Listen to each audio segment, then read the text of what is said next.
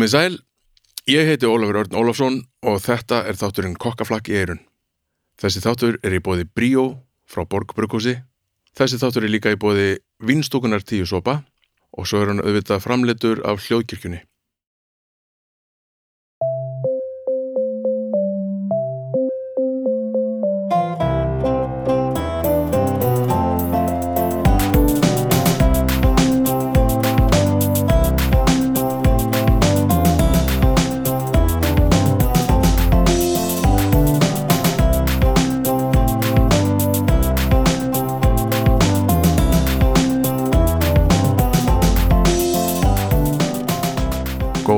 Blessaðan daginn, gott fólk.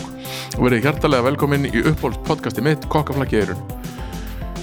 Hér hitti ég alls konar fólk og tala um mat og matartengd málefni á um í víðum skilningi. Ef þeir eru að koma enga í fyrsta skipti ef þeir eru að koma enga í annað eða tíunda eða tólta skipti enga þá bara takk fyrir alla stöðningin frábært og gísla gaman að vita til þess að það er svona margir sem nennar hlusta á mig. Enda er ég svo sem múin að vera mjög heppin með viðmælendur þannig að þetta kannski snýst minnst um sjálf á mig. Eins og til dæmis í þessum þætti þá hérna var ég mjög heppin með viðmælanda. Ég fekk mann til mín sem að heitir Sigurður Kristinn Löfdal og hann er matrislumadur uh, Siggi Löf heitir hann í bransanum. Sko hann er uh, var um daginn fyrir, fyrir ekkert löngu síðan þá tók hann þátt í forkeppni fyrir Bókustor og Bókustor er, er keppni í matrislu uh, sem er virtasta einstaklingskeppni í matrislu í heiminum og honum gekk vel. Bara skemmst frá því að segja að hann lendi í fjóruðarsæti og fekk velun fyrir besta fiskréttin. Og við tölum aðeins um þetta og við tölum svolítið um bara munin á keppnis matrislu og, og matrislu í, í eldúsi hvað er, þú veist, hvers, hversu mikið þú þarft að leggja á þig fyrir þessa fimm klukkutíma sem að þú hefur á stóra sviðin og hvað bara, það er alveg ótrúlegt. Það er ótrúlegt æfingaferli sem að er á baku þetta. Við fyrir líka aðeins gegnum bara sko, hvað kom hann ákvað, hvað hann, hvað hann kemur, hvernig, þú veist, á hvað stöðum var að læra ákvað, svona pínu hérna, saga veitingahúsa á, já fyrsta og öðrum áratug þessar aldar, mjög, mjög skemmtilegt. Bara, já, einmitt, bara mjög skemmtilegt. Ég ætla ekki að draga það lengur að leiða okkur að hlusta á þetta og segi, hér er viðtalið mitt við Sigga Löfdal, gjör þessu vel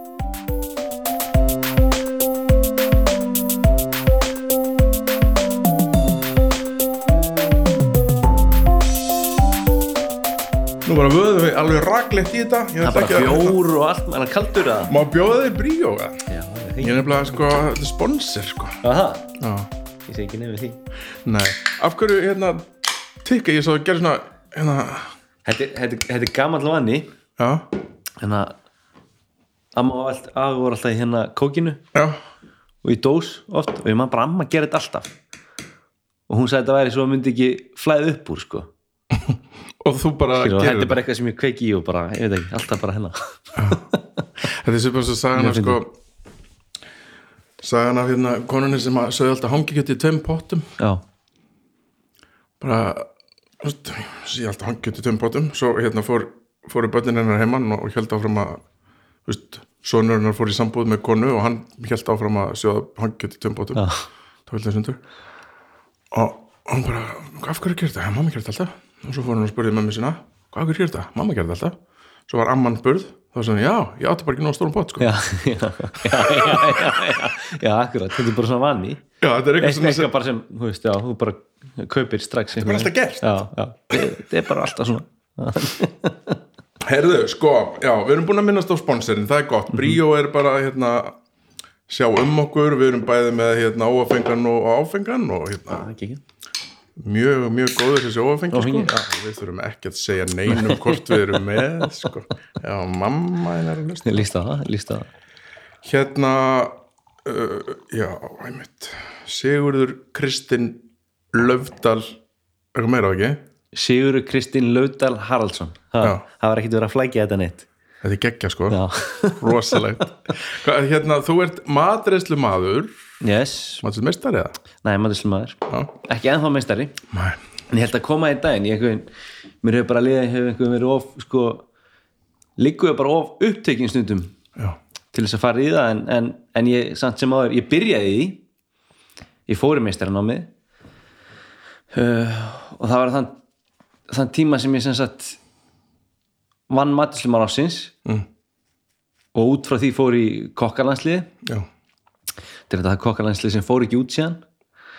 En hérna og semst í kjölfarið því að maturslumar ásins og kokkalandslið þá einhvern veginn bara átti ekki breyk sko. ég er, sko, ég er með tricks.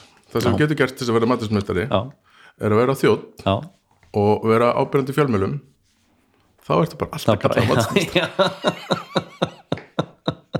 það ertu bara allir það er bara. hannig Það er Hingað lagi. komin Ólaður Herðu, var, var, ok. ekki, var ekki líka hvað var maturslu stjarna? Var það ekki líka? Ég hef verið alls konar sko. Og ég svo ger ekki annan leiðrit að þið minnst svo vandræðilegt sko. Og svo leiðilegt fyrir ykkur sem eru búin að hafa fyrir því að læra þetta. sko, Sverrir Halldórsson heitir var alltaf brjálað sko. Já, já, ég þessu, já. Að ég byrja alltaf að leiðrit en gera það bara. Nei. Bara það er bara fyndið, gaman að þetta þessu bara skemmtilegt. Sko, förum bara í gegnum hérna, sko, ástæðan fyrir því að ég er að fá þig náttúrulega, er hérna ekki bara að því að þú ert frábæn ági, heldur af því að þú ert að standa í stórnaðum um þessar mundir, sko. já, Það er þessi búkustórkeppni, við skulum tala um hana aðeins setna, akkurat en fyrst langar með þess að vita bara, þú veist, hv- hver þú ert og hvernig þú verður að þeim sem þú ert í dag og svona, sko. Hvað er, hvað, þú veist, ertu reykjökingur eða? Herru, ég er fættur uppálinn í Kóbói Já, uh, gekk í smára skóla mm, mm, mm, og, og fóru nú bara beint í matursluna eftir grunnskóla. Já, ok. og Var það í MK þá eða? Já, í MK og já, ég byrjur að samt sem á undan bara sem uppöskari -hmm. á hérna sem sagt ég er fimm- 15 ára held ég svoleiðis, heilt sumar byrja í uppaski á sem sagt til skiptis á uh, naustinu og tveim fiskum. Ok, þannig að þú, þetta bara var það sem allar að gera. já, já einhvern, ég held að eftir það, sem sagt, eftir það sumar hafa verið það sem ég vildi gera. En fyrirfram var ég svo sem ekkit sérstaklega með hausinn þar sko. Og hérna vissi ég ekkit hvað ég vildi gera. En, en það er einhver veginn, það er bara upp að skikra að hyllaði svona mikið að ítti mér út í Ég, ég, sko, mér finnst ennþá gaman að taka uppvask, sko. já, ég, það er alveg, þetta er svona já, það er einhvern sýnir það sýnir einhvern, hú veist, hversu ég meina, það sýnir vinnumefnaðin oft hvernig þú ert bara bara það að vera fókuseraður og, og skipulaður upp að skinn, það sýnir svona að það sýnir mikið einhvern Getur verið stemming, sko. já, Hvernig lendir þessu? Hvernig, þú veist, fórstu bara sóttur um eða er þetta eitthvað klikka eða þekktur einhvern? uh, nei, nei, hérna sem sagt, Gísu Guðmundsson sem sagt, uh, vinnur hans pappa Já, og það einhverjum bara já, einhverjum bara endaði þannig í raun og veru. Og síðan er bara svo ótrúlegt að, að eftir, eftir ég byrjaði í eldhúsinu þá bara var ekki tægt að snúa við sko. það er einhverjum bara, ég bara kolfjall bara strax, þú ert ekki nema, þú veist, 15 ára. já 15 þannig, já ég er svona kannski 15, já að vera 16 þannig, þegar ég sem sagt bara fer í í þetta nám sko og byrjaði að fara í byrjaði bara að vinna. Fer ekki strax í skóla sko. En hérna Já, bara sem, sem aðstofmaður í eldursi. já. Og, en það er bara einhvern já, það er bara svo ótrúlegt þegar þú finnur fyrir einhverju bara hvað hefur ekki gaman að því og, og, og, og finnur einhvern strax að þú ert sért líka svolítið svona góður í því. Mm -hmm. þá er einhvern bara já, þetta er alveg bara kolfellir. Fljótur- kolfell fyrir þessari starfskrein allavega sko, Hvað var það? Maturinn, stemmingin? sko ég held að uppalega verið myndi ég halda kannski bara stemningin sko, ég eins og þegar ég fer í eldúsi sko, þá kann ég alltaf, þú veist, ég kann alltaf rista brauð sko, Nei, já, ok, það er ekki þannig að þú hefur ekki Nei, hérna, nei, það er ekkit að ég hafi verið heima elda eitthvað og, að lesa maturslubakur. Nei, nei, að horfa á Jamie Oliver eða eitthvað, það var ekki neitt þannig. Ég ég raun og veru kannski bara slýsast inn í þetta, en á sama tíma þú veist, þá var þetta í fyrsta skipti sem ég vinn við eitthvað sem að þú veist, mann fannst ekki bara gaman sko. Mhm. þú veist, ég hef verið í svona garðirkju þannig eitthvað líka þegar ég var yngri Já, yfir sumatíman og, og það var bara þú veist, bara spjalla við það sem að vinna með og hafa gaman að því en ekki endilega gaman að, að, veist, að vera að leggja Að nálega. eða, nei, akkurat en síðan var það bara breyttist það einhverjum bara svo hrikalega mikið þegar ég fór í matrisluna sko. þá fann ég, herru, ég, veist, ég er góður í einhverju, í raun og þú veist, og finn fyrir einhverju í fingrunum og veist, það er eitthvað, veist það er eitthvað sem ég hérna, kann að gera hérna, sko. Og einhverjum var ég ótrúlega veist, að mér fannst, það var ég ótrúlega bara snöggur að taka þetta allt inn, sko. Mhm. uh, þannig já, það er svona þú veist, matrislega hefur mér byrjað þannig, sko. Mm.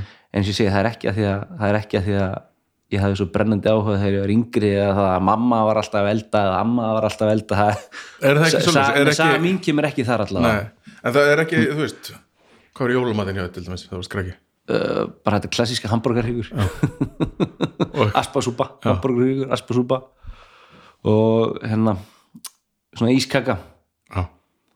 Þannig að það var bara þetta klassíska skilur og engin æfintur með sko nei, allt mjög bara svona straight forward Ertu með þetta ennþá það? uh, sko Það er flókist að fyndi, ég var hann Gunni Kalli vinur Já. minn. ég fór einu svona heimsækjan í desember og veistu hvað þú komið með til hans Óra Aspasítós og raspasító Þannig er hann bara Já. með hann- já. í New York Gætur nokkuð að redda mér Óra og já. það er enda að að segja fyrir það því að hérna, kærasti mín eldar sagt mjög oft. Akkurat, aspasúpi dós sko. og það er bara, já, ennþá það er bara eitt af það besta sem ég veit um í raun og veru sko. þannig að sé, það, það kemur einhver minningi frá jólamanni mínum að því amma var alltaf með akkurat aspasúpu í forrétt og þá var akkurat bara aspasú dós. Já, já, bræðbætt og gert svaka flott og sér var alltaf bara rjómi og nóga paprikukryði papri já, ég, ekki spyrjum af hverju en það er bara, en einhvern eftir þetta hafa bara aspasúpum mér alltaf hundist það geggjað sko. Ég veit að það er eitthvað svona einhverja minningar sem að maður þú veist, það er alls konar vond sem að manni finnst gott. Já. af því að maður er, tengir það við eitthvað jákvæmt eitthvað, já, en það er auðvitað, þú veist, ef ég, ef ég segi satt þá er það auðvitað bara svona kannski mín besta mataminning þegar ég var yngri, það er auðvitað bara hérna aspasinn Já. frá ömmu, sko, aspasúpan akkurat úr dós eins og Gunni Kalli elskar greinlega líka. Ég, við, við varum að vinna saman í mörg ár sko. Ég var að veist, já, hvað, já, jólamatinn ég ætla að veist alveg, þú veist, bara eitt í tveim dögum ég að preppa já. svo spyrir Gunnar Kall nú er bara eitthvað, aspastóðs eitthvað ha, það er ekkert endur búið nei, nei, þetta tekur kortir Svona átt að vera. Þetta þarf ekki alltaf að vera flóki gott sko. Það er jákvæð og hvað lærður þú til koks? Ég læra tveim fiskum Tveir fiskar, fyrir Tveir þá sem fiskar. ekki muna eftir því Já. var frábær staður Já, niðri við höf já, sem að hann átti, hann gissur Guðmundsson. Guðmundsson. Já. Ég, semst, ég, ég byrja að læra þar. Uh, uh, Sko, ég byrja því tímambil það sem Einar Geirsson er að vinna þarna já, yfirkokkur og, og þegar ég, þegar ég kemur það er hellinga, hellinga mjög flottum fagmunum já, og einhver mikið að gera hvort að einar hafi þá verið svona tiltölu nýlega búin að vinna maður ásins og, og þeir voru svolítið í mikill metnaður hérna ja, mikill mennar þá. Og ég man að það voru líka einhverju nema sem ég man svo sem ekki nafnaði dag sem voru akkurat nýbúin að vinna nema ásins og allt svona. Þannig að, mér fannst þetta mjög flott og mjög skemmtilegt og, og svona sá mjög mikið nýtt, ég menn þetta er fyrsta skipti sem ég kem þannig að það sem mér finnst fiskur actually góður. Já, ég ætla ekki að ljúga því, ég er bara svo vannar að fá fiskur hérna bara búðinu og það var eitthvað sem hún hittar upp í einhverju álformi sko, einhverju grautur og mér fannst fiskur einhvern veginn aldrei góður, en sen kemur þannig að fæ ég actually ferskan fisk á veitingastað og það bara sem bara vel eldaður. Já, já, já, bara vel eldaður mjög basic, bara stektur í pönnu. En fyrir mér var það bara mæmblan, wow, fiskur getur actually verið bara góður sko ég, ég, sko, ég er á missjoni núna sem bara búin að vera lengi. Mér, mér vantar svo, mér langar svo til þess að Íslendingar læra að meta fisk sem ráöfn já, en þess að fyrir okkur og ég er búin að uh, hugsa þetta svolítið mikið ég rætti þetta líka nönnu rökkvaldar einhvern tímann um daginn fyrir okkur er fiskur einhvern veginn bara það þekkt allir sjómann og Já. þetta bara er, kemur einhvern veginn svona í sögunni. Já, það þekkt allir sjómann þannig að þeir fengu fisk einhvern veginn ókipis frosinn. Já, já, já og svo var hann bara soðinn á já, já, og var ekkert gott já, sko. bara svoðinn bara, og var einhver svona afgangs eitthvað þannig að engi, þetta var, þú veist svo fyrir einhvers út í heim, alveg saman hvert. Já. þú þarfst ekki að fara nefnum bara til Skandinavíu. Já, þar er allir fiskur og skelfiskur bara svona hérna, hátíðamatur já. Við börjum einhver virðingu fyrir þessu flottar ráfni og akkur þess að þú segir, það það var kannski lengra til tíðin, ég man samt, samt sem áður eftir þegar ég var yngri, það var akkurat, þú veist, það var þetta bara veist, þetta var bara svoðið þangað til að þetta var orðið bara eins og, já, ég veit ekki hvað það er alveg, það var tíu myndur ég bara 20 mínútur, sko. skilur það var bara 20 mínútur og það var hann klár. Það var eitthvað svona hefðin bara. Já ok, þannig að þú, þú kemur hann inn í þetta mikla keppnis umhverju og þarna var, já það var, það var góðu matur þarna manni og Já, það var, og hann, hann var mjög, mjög góður og, og, en, en á sama tíma einhver, um það leiti sem ég er að byrja þá held ég að verið búin að vinna hann í kannski ég, ég þór ekki að segja nákvæmlega, kannski hálft ár. Og þá hættir eina geirs. Held að hann flytti norður þá, held ég. Og hann er nú mókull og já, ég er að fá, hann.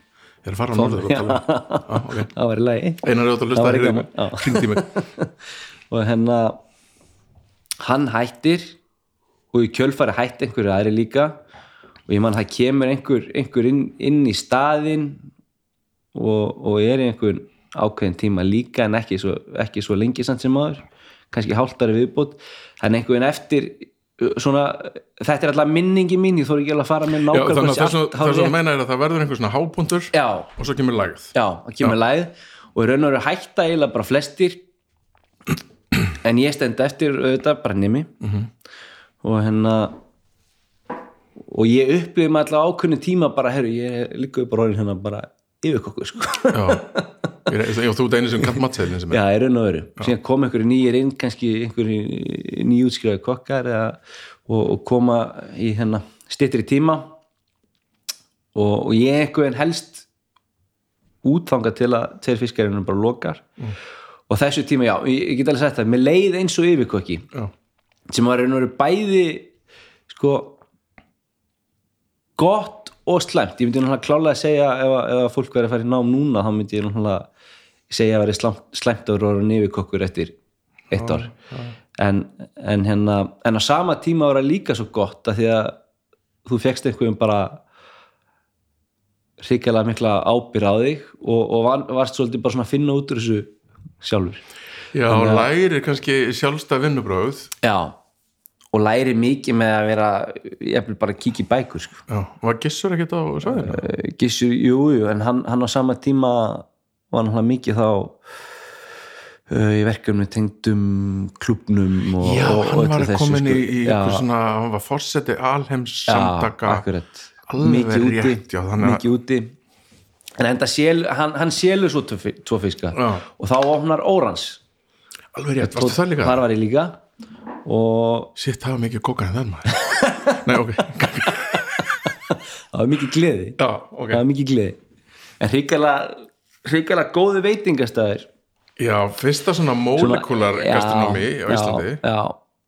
og að mikið að vera og hann var Tóta Egger svona, svona líka kannski svona hátind félagsins síns nýkominn frá Belgíu minni mig frá tvekki stjörnum stað. Já, og hann vann á grillinu og búin að vinna maður sem ásins og allt svona svipum tíma og, og, og kemur heim og, og opnar órans en það var svakalega mikið í kringum þetta og þannig, er fyrsta skipti sem ég sé matrislu sem að er kannski eitthvað annað en bara velstektu fiskur og, og svona hefðbindi meðlæti og klassiska sósur Já, það var alls konar eitthvað svona sjó sko. Já, Þetta var já. svona hérna, sirkus Já, upplöfum svolítið sko. þetta er þegar að hérna, nýtrógenið og, og rónirinn og allt er að slá í gegn og öll textúrasefnin og Já, ég man þetta einu rétti, ég man ekki hvað það var en hann kom hangandi nýr í heljumblöðru Já, já, það var, það ég held að það er marga mismynd útgáfur akkurat af, af þeim rétt, þetta var sem sagt svona smakkiréttur Já, og kom þjóttnin, hélt á blöðru svona og hann var að fara í ammali já, og svo dinglaði maturinn svona fyrir fram að þig og svo þegar þú tókst af þá fór blæðinu í lótti það var geggja, þetta var eitthvað svo já, já, mann fannst það geggja þá já, já var- þetta var það þetta var svo Já, nýtt já, sko. þetta var geggja og það var líka alveg nóg að gera sko. þetta var á þeim tíma sem maður var líka að lesa hérna, allt um Heston Blumenthal og, og, hérna, og Elbuli og já, þetta lið sko. Þetta var akkurat svona og, og hérna sem mann ég alltaf eftir að það var vorum við vorum við með hambúrgar í hátteginu og það var einhver hérna vaku fóigra hambúrgari með truflum og, og kampaðisklassi og ég man ekki hverju hverju og, og ég man alltaf eftir því að þetta var alveg ótrúlegt að, að hann kostaði sko þetta man ég ekki alveg nákvæmlega en, hann, en ég man að verðið á þessu var bara eitthvað 11 og 9 hambúrgari. Eitthvað. Einmitt. Og ég man alltaf þetta var alveg stundum að gera svona alveg nokkuð ofta það kom akkurat einhverju í í háttegin oft í jakkafutum 6-7 saman og pöntuðu sér 7 vakku hambúrgara hvaða árið þetta, 2005 eða 6 ég held, held alltaf sé ekki 2000 og, jú, kannski 2007 8 já, þetta er Þannig. háttindi góðari já, sko. já, þegar fólk vissi ekkert gott að gera við peningum sinni, sko. hambúrgar 11 og 9 og, og þess vegna sagði ég að það var mikið á kokain og það var ég að meina gestina sko, já, já, já, Nei, þetta var geggja og, og þarna varstu, varstu þá vorin klára að læra það eða? já, ég klára þar. Og klára semst á Órans. Er það kannski, nú svo- ekkert svo lengi þar. Ég held ég sé kannski ár. Já, var ég búið með námið mitt. Og og fer þaðan á voksið og ég held að ég fer ekki á voksið sko á sama tíma og þú og Gunni til, að- já, já, hann ég vann aldrei með ykkur. Nei, en ég vann með sem sagt uh, Jóa Óla. Mhm. þeir tóku við að ykkur já, minn held ég, Siggi Gist, Held ég- mann ekki. Já, nei.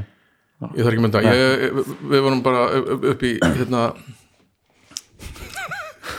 okkar já, nei, það var Pálmi var hann eitthvað Já, ok, já, ok, þá missi ég ætla því. Ég, ætla, ég byrja þegar að Jói og Óli Já, taka við voksinu og þá var það aftur fyrir mér bara, wow þetta er geggjað, allt annað, við vorum það komin Vox var komið daldið mikið í þetta nýnoruna Já, já, Feeling, já sko. nýnorræna og, og hún bara bara settmenni, já, bara settmenni ég held ég þóra Það var alltaf algjörð líka út á þetta hótel. Var alveg kvöld líka já, það var tengt, var það tengt Bistro, sagt, það var bist- bistro bistrói, já. og svo, já, getur vel verið að vera Já. komið bara í sett með einhverju tímubili já, ég sé að fóra það í aftur í, í alakart Já, Mér minni það alltaf að þetta hafi bara verið sett mjög á, á voksinu en Mhm. þetta var meira að gerast innan hóttisins þannig að já, þannig ég kem á voksið og eins og ég segir það var svona ný norræn stemning þá Mhm. og ég svona bara sé eitthvað alveg, aftur bara eitthvað alveg nýtt sko og, og já, læri ótrúlega lærin er ótrúlega mikið þar. Mm. að maður segja eiginlega að svona að þá hafi ég sé bara svona möguleika nýðið að vera maturslumæður já, hversu mikið, hversu mikið þetta býður upp á því að þetta, þetta starfnhla býður upp á í raun og veru endalösa möguleika. Og, og einhvern ég einhvern sé það á voksin og, og voksi svona gerir mig alltaf bet, betri maðurslamanni en svo er þetta svo fyndið að því þetta er veist, þetta ger ólíkt en það er samt nota alltaf mikið af tryggsum úr þessari molekular eldúsi Mhm. í svo áfram í þessum nýrnorrana já, nema þar snýst sko allt tölvöld meira um ráefni sjálf akkurat. Meðan að molekular eldúsið vísinda mm brjálaðið snýst meira um einhvern tryggs og gimmick. Akkurat, akkurat. breyta struktúr á einhverju sem er Já. alveg skemmtilegt sko. Já, mjög flóknar uppskriftir. Já, nema þarna í þessu norræna þá er þetta bara nú skulum við bara finna hvernig bragð já, er af þessu ráfni og fara allaveg með a- akkurat. Og, og sama tíma uppskriftin er eiginlega oft bara bara ótrúlega auðvelda sko. Já, ótrúlega einfaldar. En oft bara sagt, útfærar á einhverja mjög sniðaða máta sko. sem, er, sem ég finnst mjög heillandi. Já, þetta þurfi ekki alltaf alltaf að vera með öllum efnum í heiminum. Nei oft er bara, veist, ég er búin að ræða þetta svo oft við svo marga að hérna stundum þarf ekki að vera með einhver, einhver flugöldsynningar sko. Nei, alls ekki. Þú veist, þú ert með góðan skelfisk það er bara nóg gott bragð á honum sko, til þess að já, klálega, það þarf ekki að flækja það mikið. sko. nei, það má ekki flækja það mikið. Það er alveg þannig Uh, síðan, svo varstu hellingi í útlöndum, var ekki? Þú varstu í daldin tíma í einhverjum svona jú, varst, sko, jú, í reynda bara samtals í tvö ár. Uh, en það var þetta Michelin Michelin veitingastæðir sem að heitlaði mér svo mikið. Já. og fyrir mig var það bara eitthvað hvað, hvað heitlaði hvað, bara, ég hef bara hugmyndin hugmyndin um stjörnun einhvern ég veit ekki alveg, þú veist og, og allir, allir metnar en núna á þessum tíma jú, þú veist, ég hefði borðað á Michelin veitingastað ekki oft, kannski tvísvar Já. þrísvar, árin ég fór að vinna á Michelin stað og, og bara einhvern hugmyndin um Michelin stjörnuna uh, bara einhvern hvað uh, þú veist, maturinn hún að sjálfsögðu hvað einhvern lúkar einhvern mun meira manni fannst hann alltaf að lúka mun meira spennandi heldur en það sem er að gerast heima. Símin það er símyndin það er símin, kannski líka því að á, á, þessum tíma það er ekki komin stjarna heim. Nei. Dill var ekki komin stjörnu Nei. þegar ég fyrir út, ég held að fá hann einum eða tveimur á senni ég fyrir út. Uh, og einhvern maður heldur allt sé svo miklu betur úti miklu flottara og allt það. Og ég held að það hafi verið það sem heillaði bara að, að fara út, sjá eitthvað nýtt. Mér fannst ég var búin að læra allt sem ég gætt lært heima. Uh, og eins og þú þekkir þetta kannski það er alveg þú, þú sérð stundum ekki alltaf sérðu bara sömu uppskriftir nánast á öllum já. ef það kemur eitthvað eitt sniðu það er það nú oft alveg komið út um allt og það er bara mjög eðlilegt samt óþröndi já, get, kannski getur verið það en, en, en á sama tími er þetta bara hvernig útfæra hlutina og, og, og það er svo margt sem að í, í, í veitingagerðun sem snýst eða bara þegar þú ert með veitingasta þá eiginlega, allt sem heitir kannski uppskriftur eitthvað, það eiginlega bara skiptir ekki máli fyrir mér, að, að að þetta snýst svo miklu meira um er hún bara servicing fyrir mér, bara hvernig rönnar að veitingastafnum Já. Burt sér frá því hvort að þú sér með uppskrift þaðan eða uppskrift hérðan eða hann veist kannski hver að fara hún að vera svo mikið í þessu bara já, já, ég, ég held mér að ég hef verið að tala um þetta bara í, í síðasta þetta sko, að það sem við erum að selja er ekki endilega matur sko. við, erum að, við erum að selja upplifun sko. maturinn, jú, vissulega er mjög, mjög stór partur af upplifunni já, en það er ekki næringin sem við erum að selja. Það er ekki, það er ekki ástæðan fyrir því að þú ferð á veitingastað Mhm. já, við vorum að tala um þetta út í samt við hérna, take away mat að hérna ástæðan fyrir að út að borða á veitingastað sérstaklega að þú ferð á- og ert að borga ógisla mikið fyrir að fara á einhvern stað með stjörnu og eitthvað uh þá er það ekki því að þú þarft að vera sattur heldur að því að þú þið vantar einhverja upplifun eða þú veist, þannig að þú til í að borga fyrir það sko. Akkurat gaman að það er fljóð þýttur nefnir en maður er viðtali. Til stemning. En það, en það er það sem að það er, sem, það er það sem að veitingu snýst út og það er bara hvernig þú getur rönna þínum business og, og hversu vel þú gerir og allt það og, og hérna já, en, en alltaf, ég, ég fer hann út til Finnlands að veitingastæð sem heitir Olo já, hann er ekki að gera hann er mjög flottur. er einn aðeins betri í Finnlandi myndi ég alltaf að segja. Og, og, og það er saman þeir eru í hérna en Norrænu heitir hann ekki Pekka, hann kom hérna Jú, Pekka Terra já, hann Já. hann allir finnlandi Pekka en hann kom- var hérna fóttu fann hjá okkur á Dillins til, já, akkurat. Ég fyrir honum og fer, fer til hans og hann ná hann ná einhverja þrjá, fjóra veitingastæði í, í Finnlandi. Uh, og ég fyrir semst að vinna á Ólo og og þá er ég allt í einu komin í Michelin heiminn, já núlinni Hvað getur þú líst muninum á því að vera í Missilin heimi í, í Evrópu Mhm. eða vera í Eldósi á Íslandi? já, já, já auð- auðvitað fyrir þetta eftir klálega veitingastöf núna, eins og ég segi, núna er komið hennar veitingastæðar eins og Dill og Oaks og alls konar góðir og skemmtilega stæði slipurinn Vestmanni, margir flottir. En, en ég, held að, ég held að kannski þú veist, munurinn að vera á Michelin stað og, og vera bara á kannski ég segi bara veitingastað er það að þú bara, þetta verður bara þitt líf einhvern veginn. Já, og þú sér það að ég flyt út bara til þess að gera þetta. Já, og, og öll vikan og allt árið snýst bara um að halda þessu batteri gangandi og þinni stöð gangandi. Og, og metnarinn er svona alveg hryggalögur já, af því að þú, þú ert bara komin á eitthvað annað level. Og metnarinn er alveg, alveg svakalur og, og og samkefnum stöðunar og samkemnin stöðunar og samkemna milli staða innan, Já. innan uh, Helsingi til dæmis að við erum að tala um Finnland. Uh, já, ég samkefnum stöðunar og og einhvern, þannig er, þannig er einhvern allir að ég samkemur stöðun en samt er einhvern allir að vinna saman í raun og veru, bara íta, íta öllum bara einhvern áfram og, og láta þennan dag vera bara þægilega, þannig að hann sért ekki í, í ruglinu. Uh, en, en það er kannski erfitt að, að bera saman. Já, munurinn er kannski ekkit svo mikill. Nei. Það er allir að reyna að vanda sig eins mikið eins og geta alltaf allstaðar og, og, og það er málið, þú veist, við eigum mér, mér finnst Ísland bara vera með sko frábæra kokka mm -hmm. og mér finnst í raun og veru þangað sem ég hef farið þegar ég hef farið út, þá hefur maður alltaf fundið sko stöðuleikin í Íslandi einhver eins og miklu betri heldur en annar staðar, veintalega kannski að því að þú veist, lítið land Já. og, og fólk er með mennað og, og og margir frábærir maturusli menn og konur en en hérna uh, en auðvitað er, er, er að misjant eftir, það er einhvern ég myndi halda að vera tölvöld erfiðar að, að rönna svona mittsynlista hérna heima heldur en úti. Og því leiti er kannski ekki veist, er kannski ekki margi staðir heima sem eru að ganga svona langt í sínum veitingastað. Þannig að það er kannski helsti munin þeir eru bara komni lengra. Kannski Já. bara hefðin er bara komið lengra fyrir þessu Já. og eru búin að vera lengur. Við erum, hú veist, fengum stjörnuna fyrst hérna fyrir, hvað, komið fjögur á síðan? Já og ég held að þessi bara þú veist, það er bara í rétti áttina sko.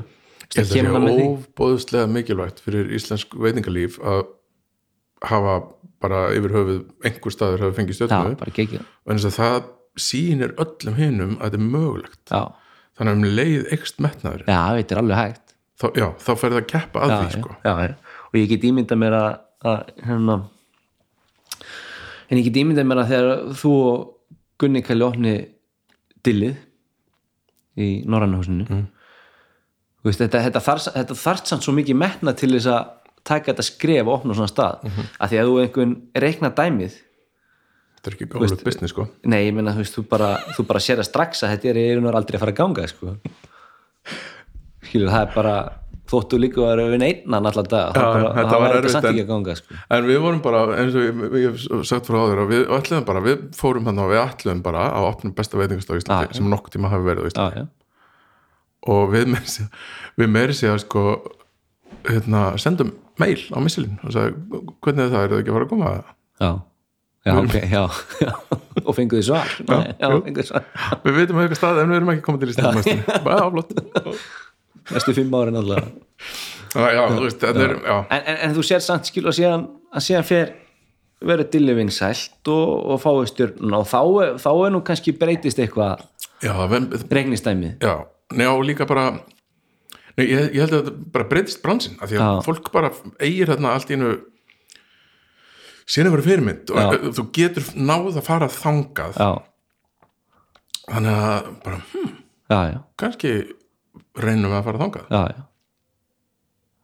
en þú þarfst að vera alveg hrigalega djarfur til þess að að, taka þetta skref. Ég meina þú er undir réttum kringustæðum ég meina veist, það verður ekki allir sem myndir þóra herri ég ætla að opna einhvern henn að fænda einn veitingast að bara on my own og, og, og, og kannski konu og krakka og, já, og húsundir og hann er þú veist En hvernig varst það að fýla Finnland?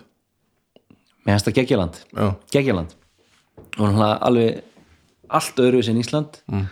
og, og aðalega hvað tengist bara fólkinu þau eru eitthvað svo, eru svo einhvern lóku til að byrja með að mér finnst ja. og og alin upp svo öðru sem hann hlaði sko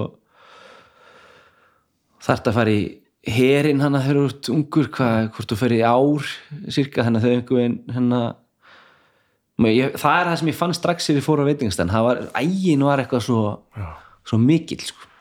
og fólk var svo ekki feimið að segja eða þú varst að gera eitthvað ránt mm -hmm. það var ekki að fara baku hlutina sko. og það jafnvel eða þú gerir eitthvað öðruvísi heldur en að þau eru vön sko, kannski þetta höfum mismundi aðferðir út um allan heim. Ég kannski verka fiskinn svona þau svona. Og það er alltaf bara af hverju, af hverju gerir þetta svona? Og allt svona eitthvað er mjög svona hart að því leiti að, að þau hérna einhvern veginn sem sé bara fara ekkert á baku hlutina einhvern veginn bara straight forward með allt og lókuðs að byrja með. Síðan einhvern veginn þegar það kynist þeim þá er þetta bara mjög gott fólk allt saman og margir minni bestu vinnir í dag eru akkurat frá Finnlandi sko.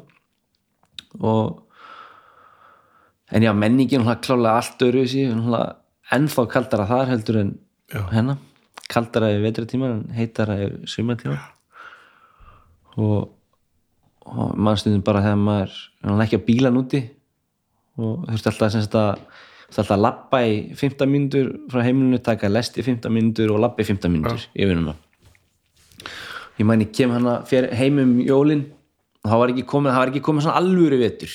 Fyrir mér, jú, jú, var þetta alveg alvöru vetur en, en síðan kom ég hérna tilbaki í janúar. Mínus, ég manna ekki 24 gráður eitthvað í Helsingi og þá vaknar á morgnana þú veist, þú ferði í undirfötin og, síðan fyrir 66 gráður peysuna og snjóbuksunar Já, og vettlingana og basically ferði í öll, ullasokkana og skilja, það er bara, já, bara 30 minúna seremoni að klæði sig. Já, og, og, og síðan þú klættir ekki alveg sko vel, þetta er akkur til hún er nýkomin út sko, ánum fórum að vinna, hann var bara komin frá semst, komin úr jólafríinu 8.30 í Helsingi og fór að vinna þá fórum nýri bæ og kærasti minn og fengum okkur að borða hana og, og, og, vorum ekki alveg og það nýlega lent, vorum ekki alveg búin að vennjast í hvað væri kalt sko. Nei, og við fórum út bara í úlpu kannski uh, bara hérna húu, vettling og eitthvað en klikkuðum alveg að hilja andliti sko. Og það var það kalt að það var bara eins og að vera að stinga nálinn í andliti að sko. Já, við þekkjum þetta ekki sko. Þekki þetta ekki alveg.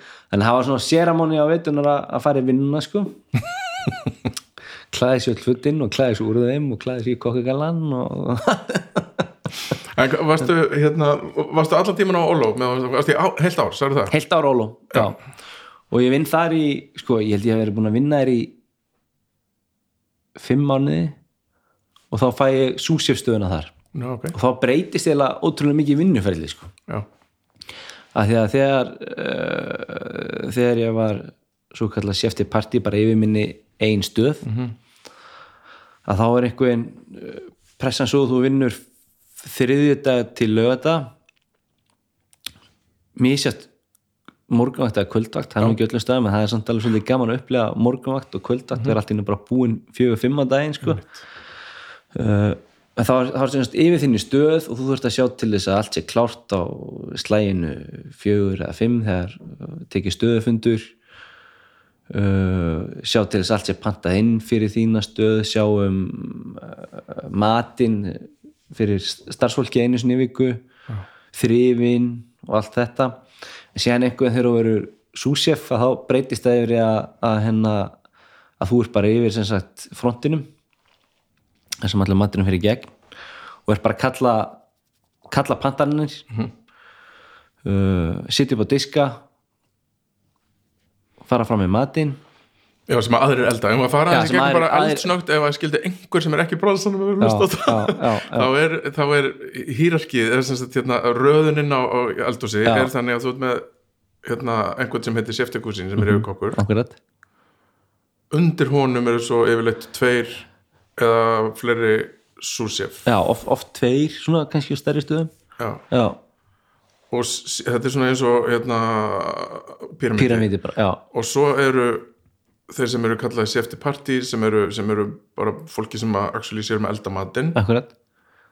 Og svo koma nemar þar undir. Já, svo koma stasjar oft, oft allavega Já, það, og það eru sjálfbóðlegar já, já, og síðan er oft executive chef yfir head chefinum. Já, einmitt en ok, bara svona til þess að fólk fatti hvað við erum að tala um að að, að það er alveg tölvöld hérna pointið sem mér langa að koma með var að þegar þú ert orðin súsjef á hérna stað með stjörnu Uh-huh. í Helsingi er daldið flott jobb sko. já, já, og stórt stökk á litlum tíma frá því að vera kannski að hugsa bara, wow, ég er að vinna á mittsinnesta skilur já, og, og hérna yfir í að vera hálfari sinna komin með súsjöstöðu þar að því að ég hafði svo litla kannski reynslu, maður, maður held að þetta væri allt annar heimur þessi Michelin heimur, en síðan hann kemur að því eins og ég segi, við eigum svo marga kokka, góða kokka á Íslandi að, að hérna að þetta er ekkert betri matrislu menn Nei. en við, bara veist, þetta snýst eða ekki um það, þetta snýst bara um heilda batterið og, og hvernig þetta er uppsett eins og þú segir yfirkokkur, súsjef yfir sinni stöð, nemar. Það er það sem að gera lætur sagt, allt batteri í ganga sko. og gera þetta af einhverju svona meira. Uh, en já, verð súsef þar og þá breytist yfir það að allt í hennu ég orðin yfir sagt að að dagurinn gangi upp. Já, kalla pantanir, halda fundi fyrir uh, sagt fyrir service hvort allt sé í lægi uh, hvort öll ónæmi sé á hreinu fari yfir allir síni stöðsu með sem sagt, allt það á hreinu ef einhverjum er öllu. Ha, hvað er þetta stórstæður? hvað er margir vinn í eldur? já uh, góð spurning ég myndi segja svona að ég skjóta núna kannski 10-12 í eldúsinu Já. með öllu 7-8 þjónar en síðan uh, en síðan innan, innan sem sagt Óló voru, nú eru þrýr, eða tveir aðri staðir það er sem sagt uh, Óló síðan var Óló Catering sem var hrikalega flottum sal innan þessu hús Já, svona ásatíðar já, já, en sem er reyndar orðið núna bara í dag er orðið bístróstaður og síðan var svona annar staður sem hétt uh, hvort það heiti, það heiti Creative Kitchen. Og það var bara opið fyrst á lögða og það var verið að gera svona óló óló mat í bland við eitthvað sem við vorum bara að pröfa. Já, já. já þessi var óp fyrir kæsti já, og það var og það var kannski, það var tíu kannski 12-15 manns. Þannig þrý staðir inn í þessu húsi sem voru í eigu sem sagt Pekatera Óló. Uh, Þetta er svipað prófið samt eins og þetta læra. Þú fyrir að læra og svo allt í ertu orðin hérna bara bom, ég herðu, ég þarf að taka ábyrða þessu drasli. og svo fyrir þarna og byrjar að vinna á, á hérna móka skurð já, já, og svo áður að veist af þá er allt í einu komin í hérna, já, herðu, býtu, ég þarf að byrja ábyrða þessu. Já, það er fljótt að gerast. Já, fljótt að gerast. Og og í raun og veru ef ég var að vera 100% reynskilin þá fannst mér miklu auðveldur að vera súsíafeldur en sérftir partí, sko, ég var að vera bara mjög honest. Já, ok, þannig að það ferðir vel að vera með mannafórað. Já, þú veist, þetta var bara þannig, þannig ertu komin í því að, sko, þú veist, þeir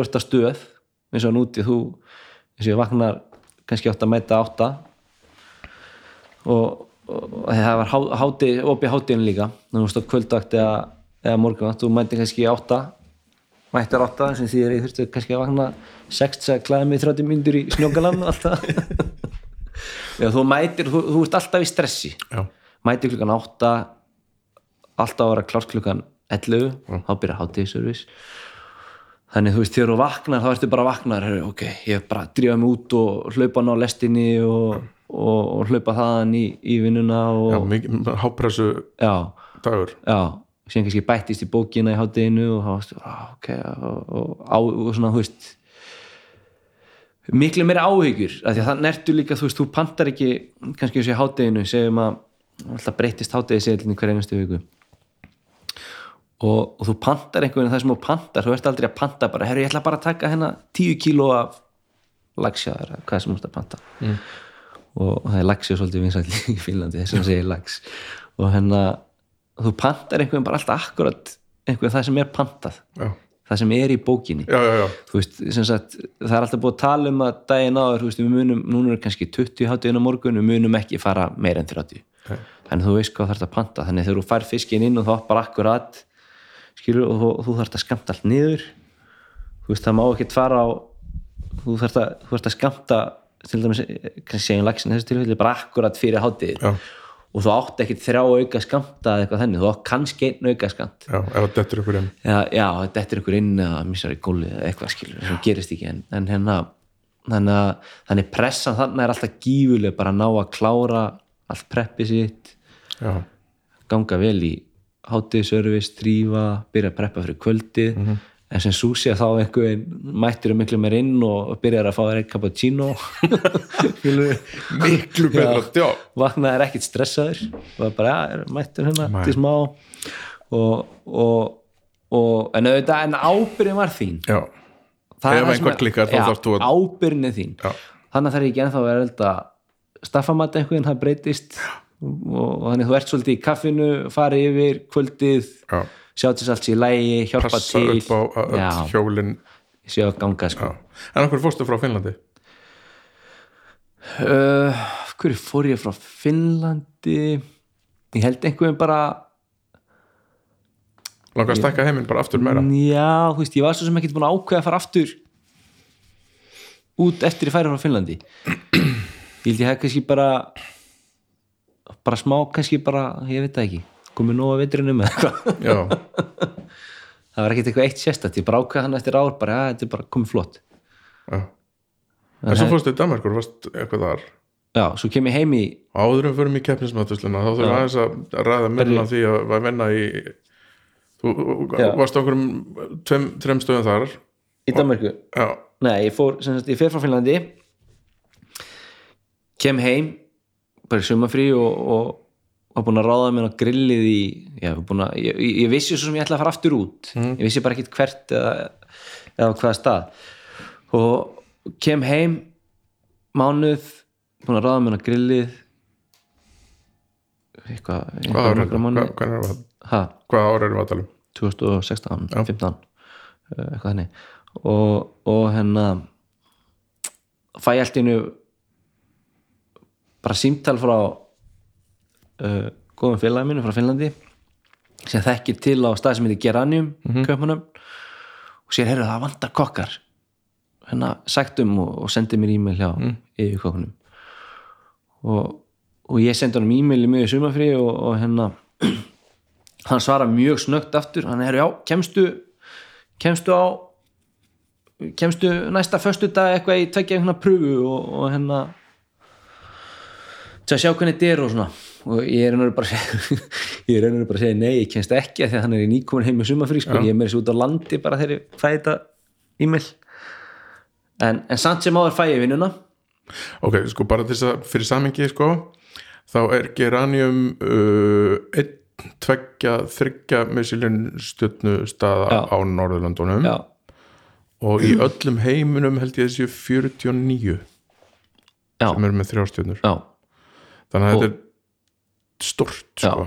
og í dag er hann í hvað, 5. seti í World's 50 Best. Já, Já, þetta er huge fyrir mig að því að á sama tíma er hérna Rasmus Kofo yfirkokkur, hann er húnlega Púkustór Icon já, hann er sá eini sem búin að fara þrísvar og á all, öll velvinni. Og brons, silfur, gull. Já, og vann það í réttri röð. Já, Já. gull sko. Og hérna, hann ég er búin að líti upp til hans bara líkuði bara frá því ég vissi hvað keppnismandrislega var raun og öðru. og þannig fyrir mér var þetta huge já. að fara þangað. Uh, en samt sagði bara, neða, ég kemst ekki. Nei, bara einhver- einhvern, ég var, ég var ný, nýlega komin heim sko, í sumafrí ég held ég að mér þess að veri bara í borgið fyrir eistra sko þegar ég var að senda e-mail hann er frekar svona langt í burtu. Og hann var að beða um að koma bara eftir í raun og veru sko þrjóta hvort ég geti komið í, í, í pröfu Þetta er samt svipað eins og ef að YouTube myndir ringja og segja, heyrðu, með vantar bassalegara. Getur komið? Næ, ég kemst nú ekki fyrir þetta Það er að segja. Það er svolítið ruggla Það er svolítið ruggla já, já. Ég, En ég einhvern, einhvern hafa stekki ekki á það. Ég kannski líka kannski hef einhvern innra með mig vita að sá sem var að mæla með mér til Já. hans þeir eru svona freka, freka góði vinir sko En sko, svo endanum farið djópið og mætir hérna í í þetta rosalega eldhús já, í þetta madness og, og þá er hann og veru er ég akkurat gengin í bara sefti partístöðu og, og í raun og er ég alveg ákveðið heppin að hafa fengið þetta svona Já. eins og þú segir að ég hafi sagt hann að neyfi að koma. Ég, ég er náttúrulega útskýrið það fyrir honum ástæðana fyrir ég var bara já. heim og verið á landi og ég er, ég er, ég er sko. Og hann skildi þann alveg en ég kannski beint sagði ekki bara nei, mér ætla ekki að koma í pröfu. Þú verður bara að vera rólega já, það var ekki þannig sko. En hérna en síðan kem ég út og kem inn sem seftiparti og ég segi ég er ótrúlega heppin að fá þá stöða því að ég veru færðu einhvern ekki beint vinnu á þessum stöðum bara þú lappar ekki inn sko, þetta er oftast í flestum tilfellum er þetta stasjerar sem eru búin að koma og eru kannski að í sjálfbóðin eins og það er í, í já, einhverja mánuði. Já, svona upp í þrjá mánu þetta var vanalega, vanalega tóku ekki vana, tó, voru ekki teknir inn stasýrar nema er ætlaði að koma í mánuð -hmm. og upp í þrjá mánuð, minna þrjí mánuður hafi verið svona eiginlega max tími sem að stasýrar voru. Já, og, og vanlega er þannig að annarkvort er bóði vinnu eftir búin að stasýra og þú er búin að standa það vel eða þá að það kannski vant ekki á þenn tíma sem þú að stasýra en þá er kannski heyrti þér árið sinna og bóðið vinnuna. En þessu tilfelli þá bara labba ég beint inn og ég man alveg að það voru sjömi sem voru að vinna með hana sem voru svolítið kannski svona hissa á því. Af því að, að, því að það voru eins og segi, flest allir búin að vinna sér upp í þessa stöðu. Að, að það að vera sért í partí sko, en það er kannski munurinn á eins og segir Óló og, og gera hann þú, þú lappar inn í stöðuna eins og Óló og sért í partí en, en þú vinnur upp í að vera sért í partí já, akkurat já, ég bara á munurinn á hver er munurinn á þú veist, við erum aðeins búin að reyna að ná utan um munin á eldhúsið í Reykjavík og eldhúsið í Já. Finnlandi og þar er þetta með eina stjórnu Já. Mhm. og svo ferðu þarna þar sem að ég allavega mín, ég, svo sem ég hef aldrei borðað þarna því miður Mhm. En ég skoði mikið að myndum bæða matnum og eldhúsinu og öllu og það er allt bara einhvern veginn fullkomið. Já, það, er- það er bara akkurat þannig, það er allt fullkomið. Já, og, og þess vegna svo sem er, hana, er, er þessi staður að hérna, skora svona hátt á öllum sem listum og, já, og fá, fá stjörnum þannig eitthvað. Já, og þetta eldur sér spotless. Já. Það er bara þetta er eins, eins flott eldur svo það gerist. Og hvert einasta smáatrið á disknum bara skiptið máli og það bara allir, allir litlu dítilinir Já. skipta máli þannig og en þannig kannski ég segi frá staðnum að þá er þetta sem sagt þetta er hrikalega stórstæðar, hann er í parken já, já og fótboltavelli. fótboltælunum á 8. hæð. Og það er magnað að preppa eldúsi sem sagt undirbúnings eldúsi það getur eiginlega bara hort á leikina bara horfur yfir allan völlin á 8. hæð. Er sem er magnað hefur haft tíma til þess að horfa leikin en það eiginlega aldrei tíma fyrir það kannski rétt svona ára rétt svona ára að kíkja. En hérna hann er sem sagt það ertu komin í hrikalegt batteri og þannig eru 15 matrislu menn allt frá kannski tveir upp í sko 12 staðsérar mm. 12 þjónar og þeir eru líka með staðséra og 50 gestir. Uh, 50 já, það er opið hátíð á kvöldi þannig þeir eru kannski að taka 20 til 30 á hátíðin og einhvers staðar mellir 20 til 40 á kvöldin. Þannig að það er meira af starfsfólki heldur en gestum. Já, í raun og veru í raun og veru, já. Já, já, þetta er tilur sem ég held að starfsfólki allt í allt telli kannski svona 45 manns. Einmitt. uh, og á þessum veitingastættum með stórt preppeldús. Síðan ertu með uh, serviceeldús sem er sem sagt eldús inn á veitingastæðnum, inn í salnum. Uh, þú ert með eitthvað sem við kallum creative kitchen. Það er annað eldús tilurna eldús það er bara í- sérstakur yfirkokkur yfir því. Mm. sérum að þróa það sem að það sem að Rasmus er að hugsa hverju sinni. En samhlega því þá tókum við líka veislur þar inni í því eldúsi. Sem sagt kannski allt upp í, já, allt upp í 40 mann skáttu tekið inni. Já.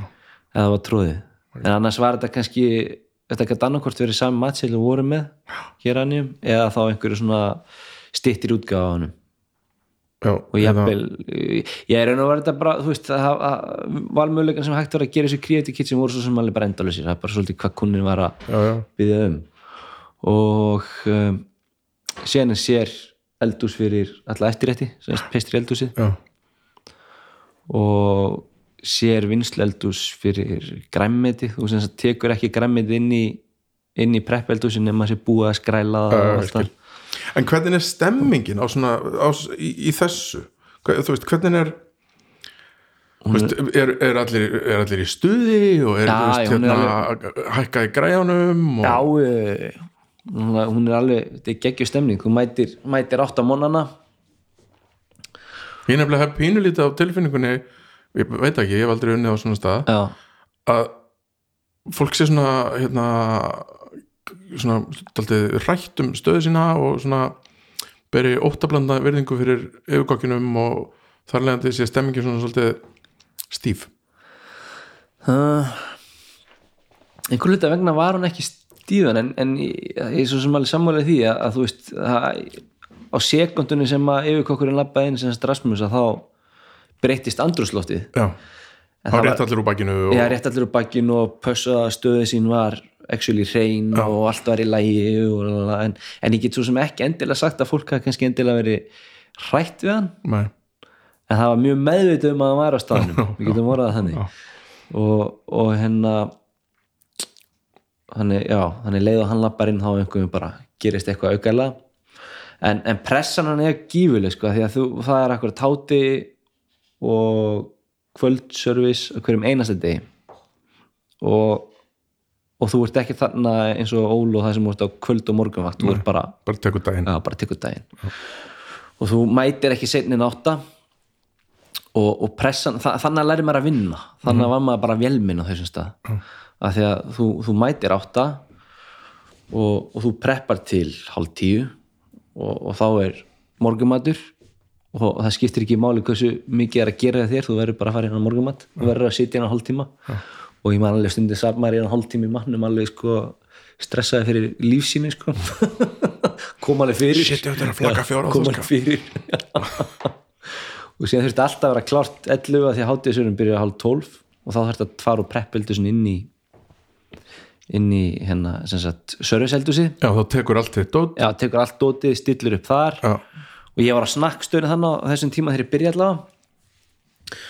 Og, og þú græjar öll snökkin, þeir eru nú tveir á stöð já, ok. Ég ætla ekki að vera með einhver heitisjöf eða gert allt einn, þeir eru tveir á stöð og, og en, en á sama tíma er pressan bara það mikil að því að þú ert með 5-6 snökk og síðan ert alltaf að vera klár með hennar vegan snökk, þannig þú ert í rauninni með já, vegan option, þannig þú ert, og þau voru ekkit þau voru ekkit í líkingu við þau Já, það var ekki- sem, nei, það var ekki Nei, það var ekki próteinið tekið burt. nei, nei, það var ekkit eitthvað tökum þetta í burt og bæta þessi bara við, það var bara nýtt Já.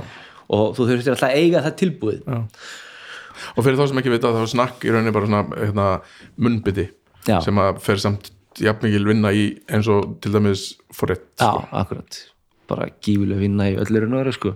og, og þú klárar hátíðisörfis þetta er ekki leis nei, þetta er ekki leis og nú samt múka og svona snakki svona smurti eitthvað form og það geta verið svona já, svona fine dine leis sem sem að sko. já þannig að það, ste- já, einmitt. það hefur auðvitað verið gert sko.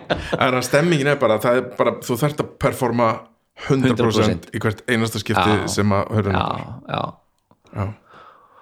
það er alveg þannig og og þú átt ekki vondan dag.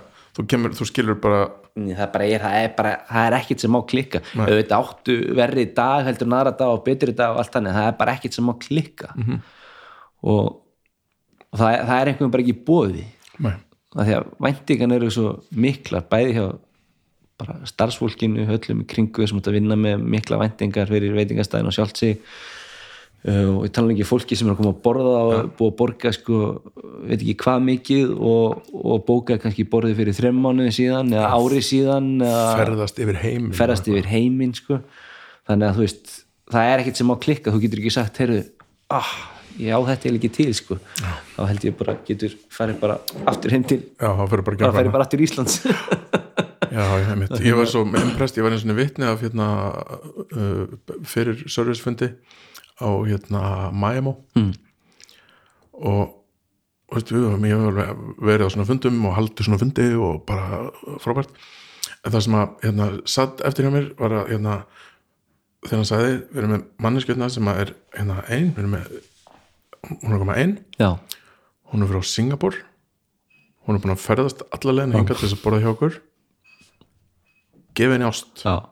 Skilur, bara allt já og ég myndaði pressuna þú veist að elda hér þessa manneski og, og, og líka það að standast væntingarna ég þú veist væntingarna hennur og væntilega sko gífulegar fyrst hún leggur þetta allt á sig að já. Og þetta var svo, mér finnst þetta að vera samt eitthvað svo fallegt Já. að hérna bara að nótera þetta. Mhm.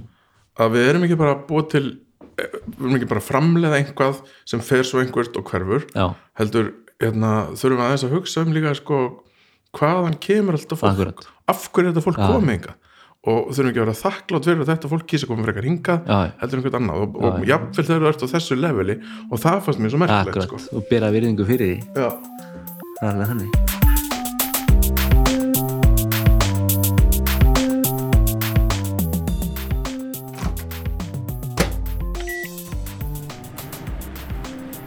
Þessi þáttur er í bóði Bríó.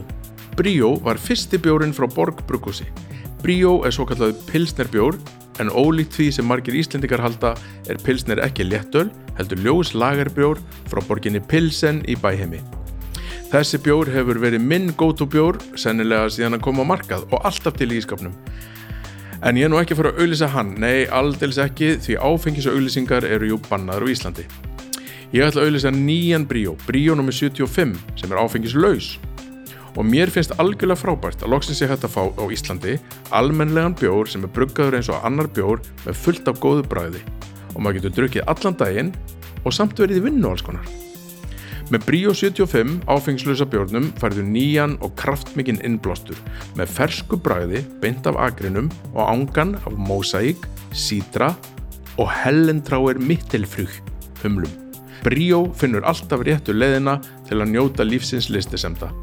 Það er gott að vera Bríó. Nú svo er þessi þáttur líka í bóði Vínstúkunar tíu sopa. Vínstúkan tíu sopar er kósi lítill vínbar í hjarta Reykjavíkur, nánar tiltekið í kjallaranum við lögu við 27. Á Vínstúkunni tíu sopum er mesta úrval náttúrvína af öllum veitingúsum á landinu. Á Vínstúkunni er auðvitað líka bóðið upp á úrval smárétta sem er tilvalið að deila sín á milli með vínflösku og margir þeirra eru vegan. Fyrir utan vínlista með yfir 100 tegundum þá erum við alltaf með að minnst að kosti 10 tegundur af vín í glösum og auðvitað líka úrval áfengislösa drikja fyrir þau sem það vilja, meðal annars bríó. Svo er ég með smá skúp sko. Vínstúkan tilkynir á næstu dögum um stopnun Vínklúps Vínstúkunar. Það verður áskriftaklúpur þar sem meðlemið fá sendan heim kassa með fjórum mismöndi vínum í hverju mánuði og upplýsingar um þau. Það verður alltaf mismunandi fólk sem velur vínin í kassana og daginn sem hann berst verður bóðið upp á netspjall um vínin og eitt er að smakkað með þeim sem velur í kassan. Æsi spennandi verkefni sem ég laka til að hleypa á stokkanum. Nú, svo er nú algjörlega þess verið að minnast á að þessi þáttur auðvitað líka í bóði hljóðkirkjunar sem býður upp á hvorki meira en að minna heldur en 6 framúrskarandi hlaðvörp. Eitt nýtt á dag alla virka daga nema föstu dögum sem býður upp á 2. Á mánudögum er domstagur. Á þriðjudögum kemur svo kokkaflakið. Á miðvíkudögum draugar fortíðar. Á fymtudögum tala snæbjörnum við fólk. Og á föstudögum er besta platan og spurningaþátturinn er hættu nú alveg. Þú getur hlustað á hljóðkirkjuna á öllum helstu hlaðvarpsveitum heims.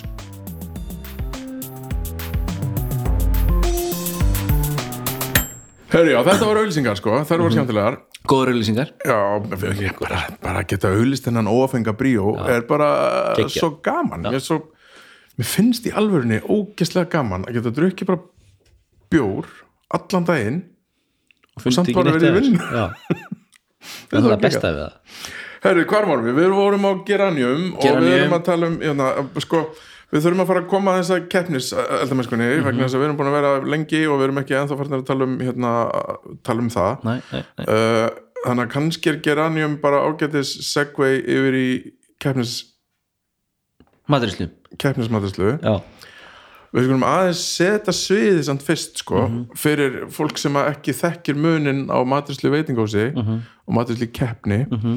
Uh, við tölum um áðana hérna, hann Rasmus já, Rassi eins og ég kýsa að kalla hann. Hann er bara búin að mastera þessa keppni bókustór og fyrir þau sem það ekki vita þá er bókustór virtasta einstaklingskeppni í matrislu í heiminum, ekki satt jú, klálega og hvernig sko fer, dettur þér í huga að fara í þetta?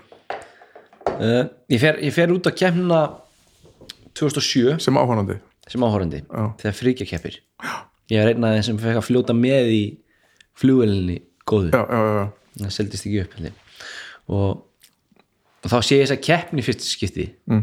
og, og hann er svo mikil umgerð í kringum og fjöldin sem kemur og horfur á hann Mhm. og þetta er einhvern veginn bara já, þetta er einhvern veginn bara tröflum hvað þetta er mikið í kringum þessa keppni þetta er bara eins og handbóltaleg sko. já, já, það er bara nákvæmlega eins í raun og veru, þú veist, bara lætin og áhörundunir og, og, og þannig þannig í raun og veru kannski þegar ég fer að þessa kemni 2007 þá er ég ennþá að læra og þannig í raun og veru fyrsta skipti kannski ég kynnist í kemnismætti, mm -hmm. ég get alveg viðkynnt það bara sé bara, herru, wow, já, ok það er til meira en bara að vera veitingastanum svetur, sko. En hvernig er hún öðruvísi? öðruvísi heldur en veitingastæður eða heldur en bara matur sem kemnir Nei, hvernig er hérna sko þú þarfst að hugsa vindalega öðruvísi eða þú þarfst að keppa í maturslu já, heldur en að þú þarfst að setja það sama fram aftur og aftur og aftur aftur fullkomið allan daginn. já, já. Uh, skipulag eins og með allt annað sko. Skipulagi þannig að vera alveg upp á tíu. Uh, og maturinn er allt öðruvísi, þannig er ekki að reyna að hugsa um að að kannski koma gestunum eða þeim sem er að borða matin það er mikið óvar með skrýknum öðru þessi bræðsasinn mm. sem gangu upp. Þannig er þetta að fá bara vel balins er að samsetta mat. Mm -hmm. uh, góðbröð, þú veist, ekki og allt þetta, ekki og mikið salt ekki og lítið salt ekki Já. og mikið síra og lítið síra. Þannig þetta að hugsa í allt öðru þessi þú veist, þú er kannski búin að innramma því að, að, að þetta er maturinn, þú veist, það, það má einhvern ekkert vera að honum eða skrítin eða öðruvísi Þetta er þú, þú ert að, þú ert að, þú ert að hérna, framlega eitthvað já, inn í einhvern fyrirfram ákveðin ramma. Já, og, á bara, og þetta á bara að vera solid. Þú, og, og, og það er miklu meira að vera að leita eftir þú veist, þú myndir til dæmis ekki þú myndir aldrei gera gefa hráan fisk í forrétt eða hrátt kjöt í forrétt í maturíslkefni en þú myndir alveg gera að veitingastað. Já, það bara er, það er bara eitthvað sem er ekki í bóði í maturíslkefni til dæmis. Um mitt nema að sé kannski vera að byggja um það það sé vera að byggja um hráan fisk eða kjötskilur, einhverja útgáði því sem er mjög sjaldan hendar en, en hérna, en þú ert bara einhvern markmið er einhvern allt öðruvísi það, þannig að það að sína fram á uh, eldunaraðferðir tækni bragð og, og, og þetta snýst ekki um það að þú þurfa að sína allt sem þú kunnir í heiminum allar þær tæknir Nei. það snýst bara um að executa það sem að gera vel og það, og það sagt, passi allt saman á disknum -hmm. og það er svona einhvern já, þegar það eru margir að keppa um það að þá er oft svona næmt á stigum og Já, smá, er- þetta snýst um smá já. já, bara algjör smáatri út í gegn sko. Það er allir búið til góða mat. Já, og, og allir dítilunar og, og, og þú, þegar þú fer að keppi maturskip endla fyrir mitt leiti, þá er þetta eitthvað sem er búin að undirbúi svolítið tíma sko. maður er ekki endilega bara heyrðu alltaf, heyrðu, já, ég ætla bara ég sá að rauðs þetta, ég ætla bara að stökka að taka þátt sko. En sko, þú, já, þú kynnist þessu þarna 2007 þegar þú fer að út og sér þetta já, og bara, hm, þetta ætla ég að gera einn góðan þetta mhm. Svo leiðis Já, þegar ég sá þessa keppni, já, Já. þá hugsaði þetta var eitthvað sem ég var í tilbúin að, Já, að leggja á mig að fara í gegnum. Mhm. en ég kannski með grunnaði þess að kannski ekki hversu hversu snemma ég myndi gera það, þú veist, ég er svona tölvöld ungur þegar ég fyrir búkhús fyrst, svona Já, þú ert búin að 2012-13 fara einu sinni áður. Svona aðra og það kom bara upp þannig að ég var semst að vinna með Ragga Ómas á Hilton Já. hótelinu. Og hann hann hann búin að keppa tvisar sjálfur Já. í búkhús. Og að þessum tíma 2000 og hvað kæft hann 2007, 2009 og þá var hann hann okkar svona aðal keppnismæður á þeim tíma. Hann kemur á Matrislu og hann segir við mig hennar hvað er að 2011 þá er ég nýbúin að vinna Matrislu Ársins. Og, og, og bæði við með Matrislu Ársins þú veist þegar ég vann það, ég var ekki að búast við í heldur sko. Þú veist, ég var það ungur en, en það gekk eftir uh, og hann segir, herru þetta hefur verið svona november, desember 2011 hérna, þá var akkur þannig að það bara vantaði actually kandidat til að keppa fyrir Ísland. Já. það var bara enginn sem svo dum og viltu þú ekki bara stökka á þetta? Já, ok, hugsa mig um í tvo dagi eða eitthvað og, og tala við mína vinnuveitundur á Hiltonhótelinu og ég fæ grænt á það að fara í kemna og, og ég kýla á það bara Mm. og kemnin er semst í mæ held ég að mars eða mæ mars, mars þannig 2012. að undirbúningurinn er ekki nema 20 Þannig bara, mánuðir já, bara eiginlega ekki neitt, eiginlega bara djók sko. Já. og, og það gengur svona hrikalega vel Sem Hvað, voðalega það voru með fjórðasæti Já. og besta fiskin eins og núna í fórkemni, í fórkemni og það gengur svona hrikalega vel og, og og það er svona kannski já, veist ég eins og ég hef ekki grunað að ég myndi fara svona ungur í þessa keppni sem er bæði eins og sé gott og þú veist maður læri mikið. Já, en á sama tíma myndi ég ekki mæla með neinum að vera að flýta sér að fara í búkustór þetta er það stór partur af lífiðin og stór keppna að það er engin ástæði til að flýta sér -hmm. að fara í hana. Uh, og síðan endum við þar í áttundasæti aðalkefni já, sem er þá fannst mér að vera á mombriði en í dag er ég bara mjög stoltur að því sko ef, ef ég horfi bara á já, bara horfi á aldur og, og reynslu á þeim tíma og, og líka bara þú veist, koma frá Íslandi áttundasæti, Mhm. þú veist þetta, manni finnst það lélegt en það er það ekki Þetta er það ekki, ég meina það eru þetta eru, ég veit ekki hvað er mörg sko en ég held að sé- er ekki einhver 40 lönd í? Jú, það er 24 lönd í aðalkefni Já, en síðan eru keppni í hverja heim, heimsálu já, þannig það eru marga þjóði búin að fara í gegnum að komast í mér finnst nefnilega alveg magnað, bara eins og hérna ég, ég man ekki röðina, þannig að ég get ekki alveg farið með það en en það er eins og ég, með minni að við höfum alltaf verið í topp 10 já, hvert einast skipti, sem er í rauninni alveg rugglað með að við að vera með hérna, 300 manns hérna sko, Já. 300.000 sko. það er fáránlegt sko. og þú sér að í fyrsta skipti sem við förum þegar, þegar stulli fer að þá er engin svona fyrirfram reynsla. Nei, en samt náðu fimmtagsæti já, og það kannski segir ótrúlega mikið bara akkurat hver við stöndum í matræslunni og í veitingum sem bransanum í dag sko, það er bara við erum ótrúlega í því sem við erum að gera. Hvernig er undirbúningi hátta fyrir svona keppni? Bara, sko, þú fórst þarna bara skautum eins við það að því núna ertu búin að vera að sinna engu öðru en búkustór já, síðan í september 2019 Já, en hann var lengdist ferli núna. Já, já, en hann allir frestaði um einhverja mánu til og frá, en ég, hefði, ég ætti að vera að klára tímabili núna í januar Þú veist, hvað getum hvað getum að vera að æfa sig svona mikið? Sko þetta er náttúrulega þú, ok, þú þarft ekki að æfa jafn lengi og ég er búin að vera að gera. Nei, það er ekki nöðsynlegt ég Nei en í hverju fylgast æfingarnar, menn uh, þetta er náttúrulega langt ferli við æfum upp í fastus síðumúla. Og, og æfingarnar felja svona líð því að, að þú ert raun og veru að þróa tvo rétti. Já, í x langa tíma, þú svo sem ræðu hversu lengi þú ætlar að ræða fyrir það. Mhm. en, en æfingarna feljast í því að þú er fyrst, fyrst og fremst ert að þróa. Mm. þróa matinn. Uh, þróa eldúsið, eldúsið líka kantar mikið inn. Stíðin í eldúsinu, þróa matinn þróa eldúsið, Hvað er uppstillingun á því þá? eða? uppstillingin eldúsinu þú færð að vita uppstillingun eldúsinu með hálsás fyrirvara. Já, og því leti stillu eldúsinu nákvæmlega upp eins og það er úti í fastus. Fastus skaffar öll tæki og tól. -hmm. og það færi það ítali í það að við erum með sama opnin og í kemninni já, með sama span hella og í kemninni já. Og sömu lengd á borðum allt er bara mælt nákvæmlega eins og það er í kemninni Já, þannig að þegar þú kemur á já, það er þá ekkert sem kemur hefur óvart. verið að náður já, ekkert sem kemur óvart fyrir utan bara að auka pressuna sem myndast á kemnistu uh, og þú þróar, þú þróar þetta mjög lengi og mjög lengi, veist, þetta er bara þú prófar eitthvað og það er ekki nóg gott og breytir því og síðan heldur þú sér komið með eitthvað ríkala flott en síðan mætir einhverja smakk og segir að það sé ekki nóg gott. Og það, veist, þetta er svona ferli upp og niður ferli og svona ótrúlega svona vegferð. Uh, síðan er það svona tveimu mánuðum fyrir kemni að þá byrjar á tímaöngum og þá tekur þú tværa öfingar í viku Hvað, bara reglurnar í keppninni, þú hefur, hvað hefur langa tíma? höfum 5 klukkutíma 35 mínútur Já, til þess að elda tvo rétti frá grunni Mm. og það er sem sagt uh, ekki forréttur, þetta er bara tveir réttir Mhm. og vanlega er, ert fyrst oft annarkvort með einhvers konar fiskirétt eða græmitisrétt Mhm. eða hvað sem þeir setja upp og síðan er þetta alltaf kjöt sem er borið fram á fati. Mm.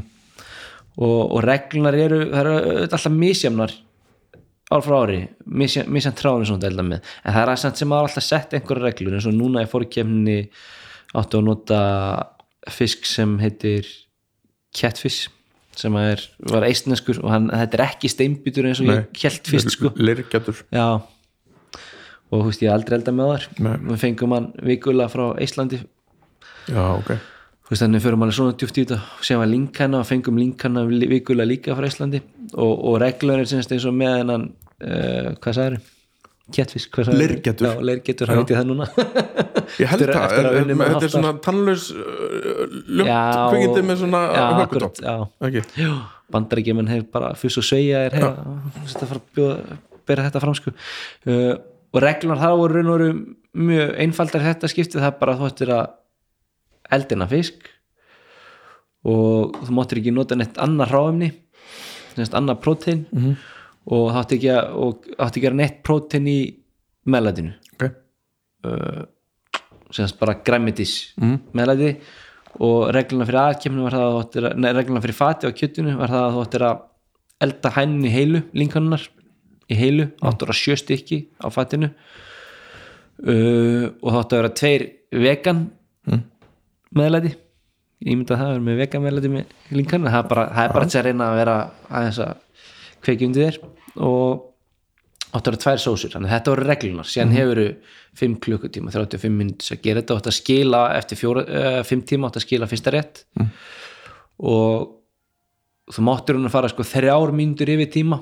Þannig að þú mátt skila 5.03 ekki setna það, leðu þú ferði hennar 5 klukkustundu 3 mínútur 1 sekunda, þá ferði mínustig fyrir hvern dómara sem er að já, dæma. já, já, og raun og þú komin í það, þá getur raun og veru bara sagt bæ sko. Já. Og síðan skilar þau kjötunu 5.35 Þannig að æfingarnar eru svoleiðis að þú gerir þetta bara aftur og aftur, aftur og aftur og aftur. við tókum 14 svona heldaræfingar Já, þannig að þessi tvær æfingar í viku mætir á mánudegi og þriðjudegi þá ertu að undirbúa allt og preppa, gera græja og þróa matinn jafnvel þess þar miðugt að tekur heldaræfingu fara yfir hana eftir æfingu Já. og koma þeir sem hafa verið í kringum þessa keppningin tíðin og smakka hjá þeir og dæma og segja hvað þeim finnst. Uh, 15. föstar þá ertu svona að fara yfir það sem þeir voru að segja. Daginn áður og, og laga það sem þarf að laga og allt það. Og síðan tekur æfingu á og síðan til frí á sundi síðan byrjar aftur. Já ok, þetta er bara full vinna. Ég, tveim, tveimur mánuði fyrir kefni þá ertu sextaði vikunar en samt sem áður er ég búin að vera fimmtaði vikunar frá því september. Já, að undan skildu COVID fríinu já, og við erum að fara að byrja þetta ferli aftur í janúar núna því að þá er kefnina að vera í júni magna, þú stekkur ekkert bara út í þetta? Nei. En, en þetta, þetta er bara eins og allt annað bara, veist, því meira sem æfir og gerir það bara því meira möguleik átti að ná því árangri sem þetta sækist eftir sko. og það er bara alveg eins með matrísluna og, og já þetta er svona, það er mikið lagt undir. Og, það, og ég er ekki einn sko. við, erum, við erum fimm manneskjur. Já, í, í, í liðinu? Í, sko, í liðinu sem er okkur með einsta degi Já, sem mæti með mér upp í fastus mánudag til fösta lögada og við erum hann að og hverjir, í, í eldúsinu Já. má vera official keppandi já, með nema með sér ekki? Jú, með aðstofamann en það er bara, ef það duga þeim það er ekki nóg þannig að við erum fimm hver með einsta degi þannig að það er sem sagt ég Gabriel, stelpa frá Finnlandi sem heitir Mikella, Úlfar og Sigþór. Já. Hvað eru þau að gera? þau eru bara í þessu með mér. En þau með ekki verið í eldúsinu ha, nei, já, já, já, já, meina þeim ekki já, Gabriel er með mér í eldhúsinu sjálfa kemnista mm. en þetta er bara, þetta er svo mikið þróunarverkefni og það, það er svo mikið sem þarf að gera hverjum einsta degi, ég veit að þetta hljómar ótrúlega kannski fyrirlega þetta eru tveir réttir en þú ert endalist að breyta og gera og, og, og, ég tala ekki um þegar tímaðegan að byrja sko, að þá ert alltaf að undibúa þú veist, það vera einn dag fyrir bara að þróa mat, matinn, breyta til hindaðurinn fyrir að preppa hann og síðan kemur tímaðegin og stundin líku að þegar tímaðegin byrja þá ertu ekki á hreinu hvað kannski þú ert að breyta einhverju ertu ekki alveg með það sko. og, og þau eru að taka tíman okkur til dæmis. Já, já, já Þau eru bara með skeiðklukkur og já, já, og síðan eru þau bara og þau bara já, mikið í þessu eins og ég er í þessu allir sko, já, þú veist, þau, það er bara já, það er allir bara svo dedikerað dedikerað í þetta að hérna, já, að þótt að nafni mitt standaðni undir Sigurur Löfdal að þá er þetta svo miklu meira Hvernig er tilfinningin að koma? Því nú er prófað áður um já, en svo einu sinni í fórkefni og einu sinni í aðalkefni já, Hvernig er, veist, hvernig líður manni þegar maður er mættur þarna? Finnst þér að vera eins og núna fyrir fórkefnina þar, þar sem þú lendir í hvað fjórða var ekki já, já, fjóraða sæti og fyrst velum fyrir besta fiskin Mhm. sem bara til hangi með það frábæra Takk hangur þegar maður kemur, þegar kem, mætir á Já. deginum Mhm. hvað, ertu bara kláur eða, skilur, ertu Já, já, nú gerum við þetta bara. Já, ég ætla að vona það. Er allan að tíma. Nei, munurinn er, eins og ég get sagt kannski munin frá því að þegar ég fór 2012 og 13 ungur uh, reynslu minni Mm. auðvitað með drauma var þetta þess að keppni og allt það uh, þá veist ég til dæmis hver Rasmus Kofo var mm 2012-13 og hann var hvort hann hafi verið heiðustómar í þessari keppni sem ég var að keppa 2012-13 og þegar hann vann á undan sko. Og margir svona frægi kokkar eins og Thomas Keller Franslandri, Daniel Bolut uh, ég minna Eyvind Hellström hafi verið að dæma þegar ég var að keppa. Þannig þú mætir í heim þar sem þú veist líkuðu hvað allir matursluminni heita sem eru í, í, í kringu þig og hefur aldrei hitt áður lesi bækunum þeirra. Einmitt. og að, þe að, að þeim tíma get ég alveg sagt að ég var stressaður. Þetta ungur og, og svona hetjur fyrir mér voru þetta allt saman hetjur. Já, stórstjörn bara stórstjörnu skilur ég bara kiknaði hnjánum með þess sko, þannig að þe þeim tíma þá var hann kannski mikið stress og vissi ekki hver og stóðust þessari keppni og svona vafi og allt það sko. Þannig að þá var ég stressar, ég var stressar 2012-13, ég get alveg ekki það. Uh, núna einhvern kannski er ég ekki, var ég ekki um stressar að því ég fekk það þann tíma að æfa sem ég ætlaði mér þannig að þú veist það var vola erfitt að, fyrir maður að segja eftir og ah, ég hef nú kannski eftir að gera þetta svona. Ég heiti gera það alveg senast sko. En á saman tíma senast þá var líka bara eins og ég reynslan var ekki árið það mikið að ég hefði átt að átt að máði sko. En þannig ég mætti þessa keppni vitandi það að það var einhver ekkert meira sem ég gæti gert og ég, og ég var ekki ósáttu við neitt sem ég var að gera. Mhm. og og á sama tíma þá eru þær stórstjörnur sem ég hef alltaf litið upp til það er einhvern orðið sem miklu nærðir einhvern skilu, þetta maður hættur að panika yfir einhverju hlutum sem að skipta ekki máli sko. Og og, og bara þegar þú hefur trú á sjálfur í svona að þá kemstu ótrúlega langt og, og það er bara það sem ég gerði núna. Við bara hefum bara hrikalega mikla trú á sjálfum okkur. Og og ég segi það var ekki, maður fann eða ekkert fyrir stressi maður leið bara vel í kemni uh, en síðan er alltaf parturinn skilu, þú veist, jújú, maður séu lítið fyrir keppni og allt þetta sko já, já. þú veist, ég langar að sofa í átta tíma fyrir keppni þú séu kannski þrjá keppni og ætlar aldrei að sopna um nóttina sko. þú veist, og síðan að byrja þetta svo brjálæslega snemma sko. þú veist, þannig þú ert að vera komin á lappir bara hálf fimm já. keppni byrjar klukkan og byrjar að keppa átta eða níu sko. já mér finnst þetta alveg magna, ég hef aldrei æft mig fyrir neitt og prófa Nei, og mér finnst þetta nefnilega, svo heillandi sko, að því þú ert bara þú ert búin að gera þetta Já. miljónsinnum já, og svo þarfst að koma og bara gera þetta einu sinni enn. Já, nákvæmlega þú ert búin að gera þetta síðast skipti. Já. og það mun alltaf eitthvað klikka. Það er það sem er líka svo skrítið við og, og þú veist það fyrirfram. Það bara það mun eitthvað klikka. Það, það verður eitthvað eins og þú varst ekki búin að efa það Já. og það gerist alveg núna skilur en, en, en þú ert bara búin að gera það fyrir því. Já.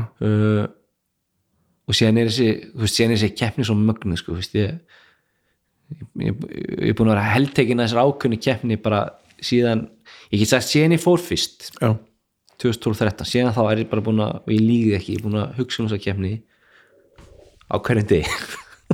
Já, bara stúdar þetta allt saman. Já, bara hugsa endar þessu um þetta og ég þú veist, ég, ég veit ekki endilega veist, af, af hverju maður verður svona heldtekin að þessu, ég veit það ekki. Og, og og síðan líka oft er þetta að útskýra þessa keppni fyrir fólki sem að kannski veit ekki hvaða keppni þetta er. Að hefur þetta er þetta, þetta, þetta hljóman eins og brenglun að þú ætlar að taka bara eitt til tvö ár bara uh, frí og vinnu til þess að gera bara þetta og ert ekki á neinum launum með hann sko. og, og, og ég skil það að það eru margir sem að bara hvað, hvað er þetta að gera sko? Þú veist, til hvers er þetta að þessu en, en, en að sama tíma eru líka margir sem skil það vel sko. Þú veist, þetta er svona já, en fylgja þessu tækifæri ef, ef þeir gengur vel? Fer þá síminn að ringja og uh, ef þú lendur að palli? Já, um, já, sjálfsög fylgis alltaf tækifæri. Já. þú veist sem fyrir bara eftir hvernig þú nýtur það sjálfur sko. uh, já já, já auðvitað, þú veist, þetta er náttúrulega að vinna, ég tala um sko að vinna þetta eða vera á palli þannig að þú næri ekkert mikið lengra hvað var að keppnismatur þá ertu bara búin að toppa, já, toppa þig sko. getur ekkert gert neitt meira sko. hvað ætlar að, hvað þetta ætlar að vera? Sko ég ætla að vera fyrsta.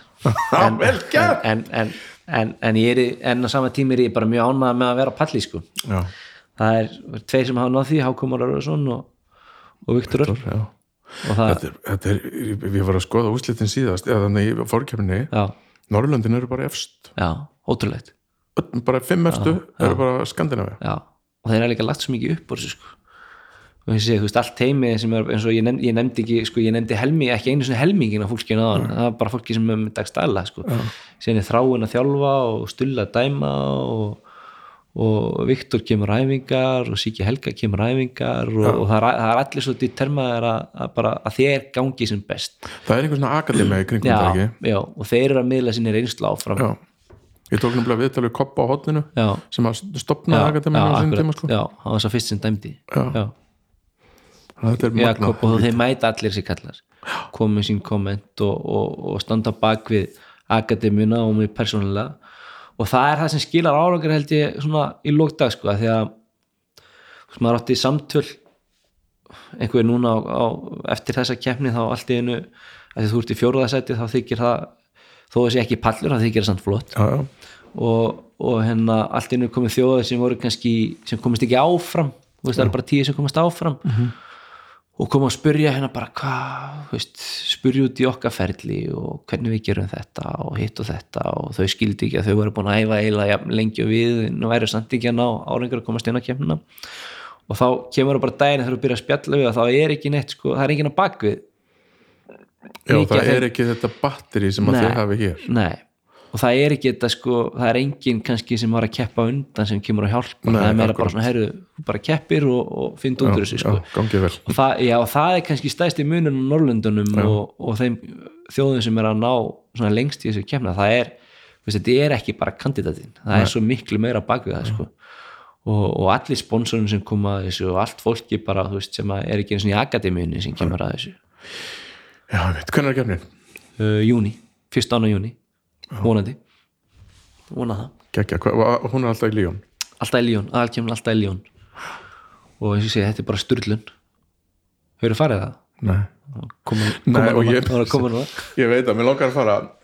Og meiri segja sko ég hef nú mætt hotna á heima hjá mér þegar ég sit við eldursporið og horfi á beina útsendingu á netinu já, af ég bara hóli minn er ekki í lægið akkurat já, já, ógislega spennandi já. samt. Þetta er ekki ekki spennandi. Og akkurat, akkurat núna, það er fólk sem að skildi, sem er ekki matuslu kringum mig og, og skildi ekki alveg hvað ég var að gera mm -hmm. svona, horfði á útsendinguna núna og þegar ég kom heim þá sagði ég, já ok, núna skil ég. Já, fatt þetta, já, núna fatta ég þetta, að þau sjá bara hvað er mikið í kringum þetta sko. heimitt veist, þetta, er, þetta, er, þetta er meira en að pakka í töskuna og bara, að, ég ætla að fara eitthvað að keppa. Magna herðu, ég held að við séum bara konum með þetta. Það ekki, jú, gekkja, ég segi bara gangið vel í bókús takk fyrir það. Ég hlakka til að koma að smakka á efingu ég hef bara hlakkað til að sjá þig líka út í líjón sko. það, mæti núna.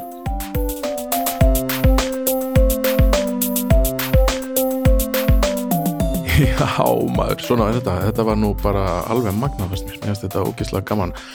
Mér finnst þetta svo áhugavert. Hvernig er hægt að vera svona dedikeraður í því að keppa í matrislu og ef þið hafið ekki hort á þessu keppni þá er örgulega til henni á netinu og YouTube og eitthvað, ég bara hvet ykkur til að skoða þetta. Og þegar að keppni verður í júni þá bara verða allir við sjónvaskjáni að horfa á þetta, þetta er þetta er alveg fárunlegt og við komum nú aðeins inn á en ekkert, ekkert mikið en þá, þá er bara þar sem að þessi keppni fer fram er heilmikið af, af áhörandum sem eru með þú veist trommur og fána og bara eins og ég séu á, á handbólta eða og eða fótbolta bara einhverju, einhverju annari íþrótt heldur en matrislu og þarna er matrisla sannarlega orðina íþrótt sem þú bara æfir þig fyrir bara eins og þú verður að fara í spjótkast. Það var magnað, magnað. Frábæð náðangi, Siggi. Uh, áður í kveð þá er við hæfi að vanda að minnast á hið frábæra fyrirbæri sem hljóðkirkjan er sem ég er svo heppinn að fá að vera partur af sko hljóðkirkjan er uh, batteri sem að þeir bræður Snæbjörn og Baldur Ragnarsinnir standa fyrir og hýsir sex hlaðvarp. Fyrir utan kokkaflag þá er á mánudögum kemur domstagur sem er frábært þar sem er uh, lagður dómur og alls konar hverstagslega hluti uh, á miðugudögum er hið geysi vinsala hlaðvarp draugar fortíðar þar sem að Baldur og Flósi ræða eitthvað sem að gerðist fyrir lungu síðan. Uh, Fymtudögum er annar viðtalstáttur þar sem að Snæbjörn tala við fólk og hann fær til sín yfirleitt bara alls konar fólk og, og, og rekur úr því gatnirnar um líf uh, Föstudögum er bóðið upp á bestu plötuna þá er Snæbjörn mættur bara aftur og með honum er Arnar Rækja Tórsen og Baldur bróður hans og þá finna þeir það sem þeim finnst vera. Besta plata einhverjar hljómsveitar og það er farið bara ansið rækilega í gegnum það. Líka á föstudöfum er Villi naglbyttur með spurningatháttin Nei, hættu nú alveg og honu til hals og trösts eru náttúrulega annarsvafa og veiknir og stundum eru gestir en út af COVID þá er ekki búið að vera mikið gestum en þetta er samt skemmtilegt. Þetta er allt skemmtilegt, ógislega gaman. Og með að því sögðu þá hvet ég ykkur til þess að halda áfram að hlusta á kokkaflækið gefa okkur stjörnur, gefa okkur engunir á hérna, þar sem það er hægt. Uh, halda áfram að hlusta á hljóðkirkuna og bara halda áfram að vera frábær. Takk fyrir mig í dag, verðið sæl